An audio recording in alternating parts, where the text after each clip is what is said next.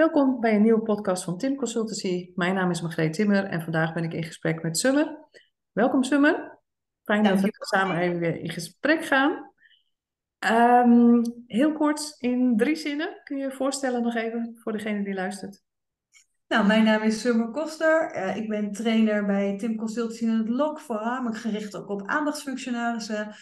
Uh, nou, volgens mij waren dat twee zinnen en dat is voor nu ook prima. Helemaal genoeg. En anders vooral op de website kijken als ze nog veel meer over je willen weten. Over je diversiteit en creativiteit en uh, alles wat daarbij hoort. Um, ja, Van, vandaag is de week tegen kindermishandeling gestart. Ja. Een week die we altijd heel erg belangrijk vinden en waarin we weer knallen en van alles gaan doen en op heel veel gebieden bezig zijn. Maar ja, we hebben natuurlijk een podcastkanaal en dan is het ook heel fijn om via de podcast nog weer dus, um, wat gedachtegangen van ons te delen. En deze week is het thema deel je zorgen, je staat er niet alleen voor.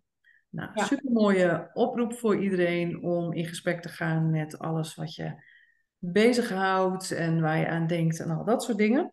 En tegelijkertijd hoor je dan heel vaak um, dat mensen zoiets van, ja, maar mag dat allemaal wel? Um, kan dat allemaal maar zo? Dus wij gaan vandaag in gesprek over het delen van informatie. Ja. Ja.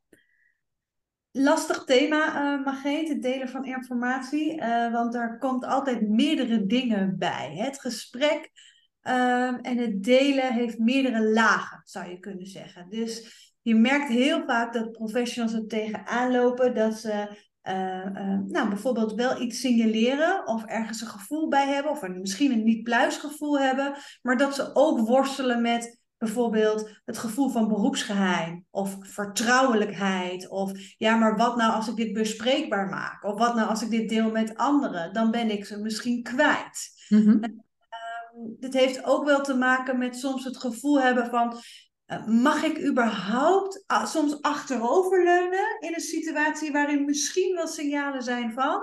Uh, of de andere kant van de vraag, moet ik gelijk handelen als er signalen zijn van? Dat is echt verschil die je vaak bij nou ja, jeugdprofessionals, maar ook andere professionals, een soort worsteling. Mm-hmm. Die ze, um, en dan gaat het ook over van ja, mag ik überhaupt informatie delen? Of moet ik hier iets mee of niet? En die twee vragen doen al gelijk al iets met je als je dat ook zo hoort. Van, mm-hmm. Wat is dan eigenlijk mijn rol? Wat is mijn taak? En wat ben ik verplicht? Maar ook ja. soms voel ik zelf dat ik moet doen. Dus het is ook wel heel, ja, ik zou ja. zeggen ook wel heel reflectief. Ja, precies. Dus dat is een stukje over wat het allemaal met je doet. Het is dan wel fijn om daar een beetje de kaders in te hebben over wat mag volgens de wetgeving, wat mag volgens mijn beroepscode of waar heb ik me dan aan te houden. Je hoort ook wel eens een conflict van plichten, wat beschreven is. Wat zijn um, ja, handvaten die je kunt gebruiken om deze weging te maken?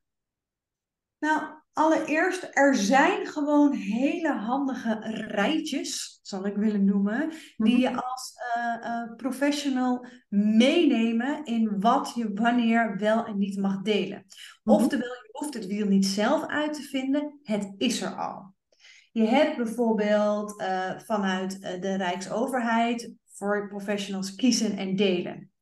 Die zich heel erg richt, gewoon een website kan je opzoeken, die zich heel erg richt op um, tips um, voor professionals om informatie te delen wanneer er ook signalen zijn van onveiligheid. Mm-hmm. Dus wat mag ik in welke situatie wel of niet doen? Het zegt ook al, hè? Kiezen en delen. Dus even, je moet wel ergens een keuze maken, want het bij jezelf houden, daarmee wordt sowieso niks opgelost. En als je er wel voor kiest om het wel bij jezelf te houden, dan moet het zeg maar een proactieve keuze zijn. Oftewel dat je heel bewust bent dat je nu even afwacht, maar dat je bijvoorbeeld een moment gaat kiezen om te evalueren hè, mm-hmm. of nieuwe keuzes te maken. Ja. En in die, op die website ook hebben ze uh, voor ons eigenlijk een heel stappenplan gemaakt over het delen van informatie. Je vindt bijvoorbeeld ook informatie over wanneer heb je grondslag, met een moeilijk woord, om informatie te mogen delen. Nou, je hebt grondslag als er bijvoorbeeld toestemming is. Dus als de Mhm. jeugdige of als de volwassene je gewoon toestemming geeft om in overleg te gaan, om informatie te delen, dan mag dat. Ja. Je hebt ook altijd grondslag om informatie te delen met je eigen collega's. Dus als iemand bij jou in zorg is of in eh, nou, eh, eh, hulp is, weet Ja. even anders zo noemen, dan heb je grondslag om informatie met je collega's te delen. Dus collegiaal beraad, collegiale consultatie mag gewoon. Mhm. Natuurlijk over grenzen van organisaties, dat is soms weer wat anders. Ja. Er is ook grondslag als je je zorgen maakt om informatie te delen met een aandachtsfunctionaris. Dat kan de aandachtsfunctionaris van je eigen organisatie zijn. Dat kan ook aandachtsfunctionaris van Veilig Thuis zijn. Dat is dus eigenlijk stap 2 van de meldcode. Dus op het moment dat je signalen hebt of vermoedens hebt of niet pluisgevoelens, en dan kan het ook heel fijn zijn om het te delen, om ze juist te verhelderen, om ze meer zichtbaar te krijgen, om wat onder de oppervlakte leeft, of wat in jou bruist, zou je kunnen zeggen, of waar je onzeker misschien soms ook over bent, om daar wat meer helderheid over te geven. Dus je mag het ook altijd delen, er is een grondslag om dat te delen ehm, met bijvoorbeeld Veilig Thuis. Mhm. Er is ook een grondslag als je eh, een overeenkomst hebt. Oftewel, stel je voor dat je ehm, eh, bij eh, een tak van de gemeente werkt. Dan is er namelijk een vorm van overeenkomst dat de informatie gedeeld wordt met een andere afdeling. Hè, bijvoorbeeld als het gaat over waar iemand is ingeschreven, hè, dat soort dingen. Dus Mhm. we hebben te maken met als er toestemming is, we hebben te maken met overeenkomst en we hebben te maken met eigenlijk collegiaal overleg en aandachtsfunctionarisoverleg. Ja, en je zegt die, die toestemming, dus als je toestemming hebt van degene met wie je in gesprek bent geweest, dan kan je informatie delen. Nou hoor je ook heel vaak dat ehm, aan het begin van een traject van, eh, van een contact, dat de cliënt een briefje krijgt of uitgelegd krijgt dat als het nodig is, informatie gedeeld kan worden. En gaan cliënten daarvoor tekenen. Ja, twee Dat weken, drie weken later nog geldig?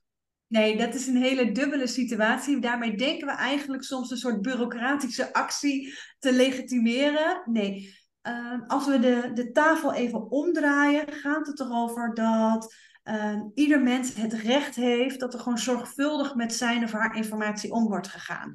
Hè? eh, dat dingen niet zomaar op straat komen te liggen en dat het ook gewoon zorgvuldigheid vraagt. Dus Mhm. als je informatie wilt delen, dan betekent het wel dat je voor die specifieke handeling wel een vorm van toestemming nodig hebt. De Ja. vraag is of je altijd toestemming nodig hebt door een ondertekend papiertje, want ook dat kan gewoon een, ja, misschien soms wel een overdreven bureaucratische handeling zijn. Het gaat er wel om dat je iemand helder ehm, teruggeeft. Wat wil je graag delen? Met welke intentie? eh, met welke bedoeling? En dat je iemand daarmee ook ehm, meeneemt in dat proces. En daarmee een soort toestemming vraagt. Dus als je bijvoorbeeld ehm, eh, uitlegt dat je graag met andere collega's die ook betrokken zijn rondom het gezin, maar vanuit een andere organisatie in overleg wilt om te kijken, hey, hoe kunnen we nou jullie situatie het beste ondersteunen of helpen of hulp verlenen of wat dan ook. Ja. Dat je voor specifiek overleg of situatie toestemming vraagt om die informatie uit te wisselen. Mhm. Ja, oké, dat is mooi. In die, op die website kiezen en delen zeg je, staat een handig rijtje met allerlei grondslagen waar je naar kunt kijken. Dus er is een grondslag. Nou, daar heb ik net een aantal van uitgelegd. Een van die grondslagen is ook nog vitaal belang. Dus een grondslag is wel als er eh, informatie is van leven of dood, hè, waardoor het niet delen echt ernstige gevolgen heeft voor iemand, dan mag je bij wet gewoon informatie delen. Bijvoorbeeld met Veilig Thuis. Vandaar ook eigenlijk de meldcode en het proces die daarmee eh, in het leven is geroepen. Ja. Ehm, de tweede stap die je altijd doet, dus de eerste vraag is, is er grondslag? Nou, daarvan heb ik net een paar benoemd. De tweede is, ehm, wat is het doel met het delen van informatie? Want die past ook heel mooi bij jouw vraag, waardoor je niet van tevoren het lijstje invult Mhm. en laat ondertekenen. Nee, elke situatie moet wel heel helder zijn. Waarom is het belangrijk dat ik nu deze informatie deel? Uh, en let erop, stel je voor dat je informatie wilt delen over een gezin of over een situatie waarin je niet uh, pluisgevoelens bij hebt. Mhm. Oprecht te vragen of je ook namen, rugnummers moet geven. Of dat je ook gewoon met elkaar kunt over hebben van, goh, ik ben nu betrokken uh, en ik wil graag eens dat je met me meespart zonder namen, rugnummers. Ehm, mhm. maar dat je dat gewoon doet als collegiale vrienden. Ja. Ja, want als je inderdaad heel veel details daarbij noemt, dan kan het soms ook betekenen dat iemand dat plaatje zelf wel weer verder gaat inkleuren en misschien ook wat minder objectief is.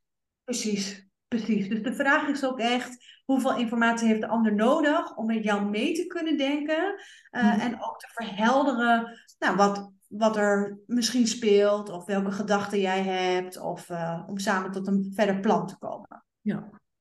De derde stap in het delen van informatie is dat je ook kijkt naar, uh, met een moeilijk woord, proportionaliteit. En proportionaliteit gaat echt over van ja, um, uh, als ik bijvoorbeeld geen toestemming heb, kan ik ook op andere manieren uh, toch de belangen behartigen zonder uh, over bijvoorbeeld beroepsgeheim heen te stappen. Ja.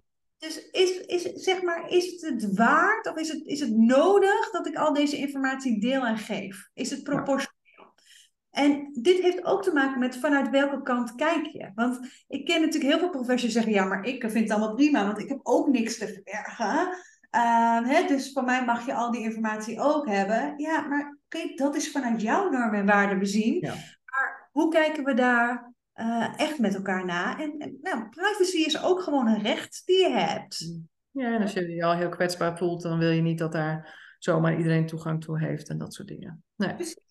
Ja. En de allerlaatste is dan dus, eh, dat heet dus uh, vanuit die proportionaliteit ga je eigenlijk naar, ja, dat heet subsidiariteit. En subsidiariteit is dus echt de vraag, uh, kan het doel op een andere manier worden bereikt dan informatie delen? Bijvoorbeeld, kan het wel anoniem, zodat ik geen persoonsgegevens moet uh, doen? Of kan ik op een mhm. andere manier helpen of beschikbaar zijn of ja. Nou ja, dingen doen? Mm als je dus wel besluit, hè, en, en natuurlijk, en je hebt gewoon grondslag en het kan, dan moet je het ook gewoon met elkaar doen en zo transparant mogelijk. Maar mhm. als je bijvoorbeeld wel besluit dat je informatie gaat delen, um, ook al geeft de ander geen toestemming, informeer je alsnog. Dus je gaat wel delen dat je gaat delen. Ook al krijg je geen toestemming. Dus daarin laat je ook gewoon zien dat jij uh, transparant bent en daarmee ook vertrouwen bent. Dus dat je niet achter de rug omgaat of wat dan ook. Ja. Er zijn bijvoorbeeld situaties dat je te maken hebt met jongeren. He, je hebt soms wel eens jongeren, je, we weten ook onder 16, uh, uh, daarmee neem je ze mee, maar heb je nog steeds echt wel een, een, een, een woord te voeren ook met ouders. Boven de 16 tot 18 ja, is de wet iets anders. Um, uh, wat zou je nou doen als een jongere jou toch iets in vertrouwen vertelt, waar je je zorgen wel over hebt, maar de jongere mhm. echt heel duidelijk zegt, maar ik wil niet dat je deelt dan zul je dan een soort afweging maken. Uh, die in eerste instantie is, is er grondslag om het te delen. Die grondslag heeft dus ook met de leeftijd te maken. Um, hè, uh, kan het ook op een andere manier wel bereikt worden? Uh, is er vitaal belang? Dus is het echt noodzakelijk uh, dat? Of heeft iemand ook gewoon recht op geheimen? Ik bedoel, dat is ook even de afweging die je soms wel mee mag nemen. Absoluut. Ja, mooi. Mooie tips, uh, Ik denk dat dat heel waardevol is en dat mensen dat um, als geheugensteuntje kunnen gebruiken. Altijd naar die website toe kunnen gaan. Ik heb je ook wel eens horen praten over de privacy-app. Ja, want eigenlijk is die nog beter hoor, als de andere tip die ik gaf. Want die andere tip die geeft dat meer, zeg maar, ik noem het even wat wolliger informatie, waardoor je het wel zorgvuldig kunt opzoeken. Uh, maar er is gewoon uh, op een website, als je privacy app jeugd intoetst op Google, krijg je hem. Want het bizarre is eigenlijk, het is, de website heet Jeugd Connect, maar hij valt onder de privacy app. Uh, dat is een app waarvan er uit drie perspectieven ehm, je eigenlijk geloodst wordt naar of je informatie mag delen, ja of nee. Hm. En je kunt hem bijvoorbeeld invullen, gewoon klikken vanuit de jeugdige. Dan maakt het ook nog uit de leeftijd van de jeugdige. Dat vertelde ik net al. Ja? Uh, uh, tot 16 is een andere categorie als 16, uh, 18. Hè? De ja. tweede categorie is volwassenen. Dus bijvoorbeeld de ouder, volwassene, opvoederrol. En de derde categorie is voor jou als professional. En het grappige is, nou ja, grappig, bijzonder is, als je dus aanklikt vanuit welk perspectief je uh, wilt weten of je informatie mag delen, kan je dus ook echt uitfilteren. Dus als ik vanuit professional ga kijken, kan ik dus zien wat het verschil is tussen bijvoorbeeld de huisarts, de maatschappelijk werker, het onderwijs, uh, de hulpverlener. Dus ik kan dan ook nog aanklikken hè, vanuit welke rol ik wil mhm. informatie wil delen. En dan uh, neemt hij je heel helder mee in of je wel of geen informatie mag delen. En ook eventueel hoe je toch het gesprek aan kan gaan als je vermoedens hebt van ja, maar ik moet hier wel iets mee, maar ja, volgens mijn beroepsgeheim of uh, grondslag kan het niet. Mm Mooi. Oké, dus twee tips. En als je wat meer onderbouwing, uitleg wilt, dan is die website kiezen en delen. Wil je snel vanuit drie perspectieven kijken van wat, wat zegt, zeggen al die richtlijnen, dan zeg je die privacy app is super, uh, super waardevol. Ja, precies. Mooi. Dankjewel. We hadden afgesproken dat we hem heel kort gingen houden vandaag. Het is altijd weer een uitdaging, maar volgens mij is die best gelukt voor, voor dit keer. Dus we ronden hem af. Dankjewel, Summer. Jij ook bedankt. Oké, okay, doei doei.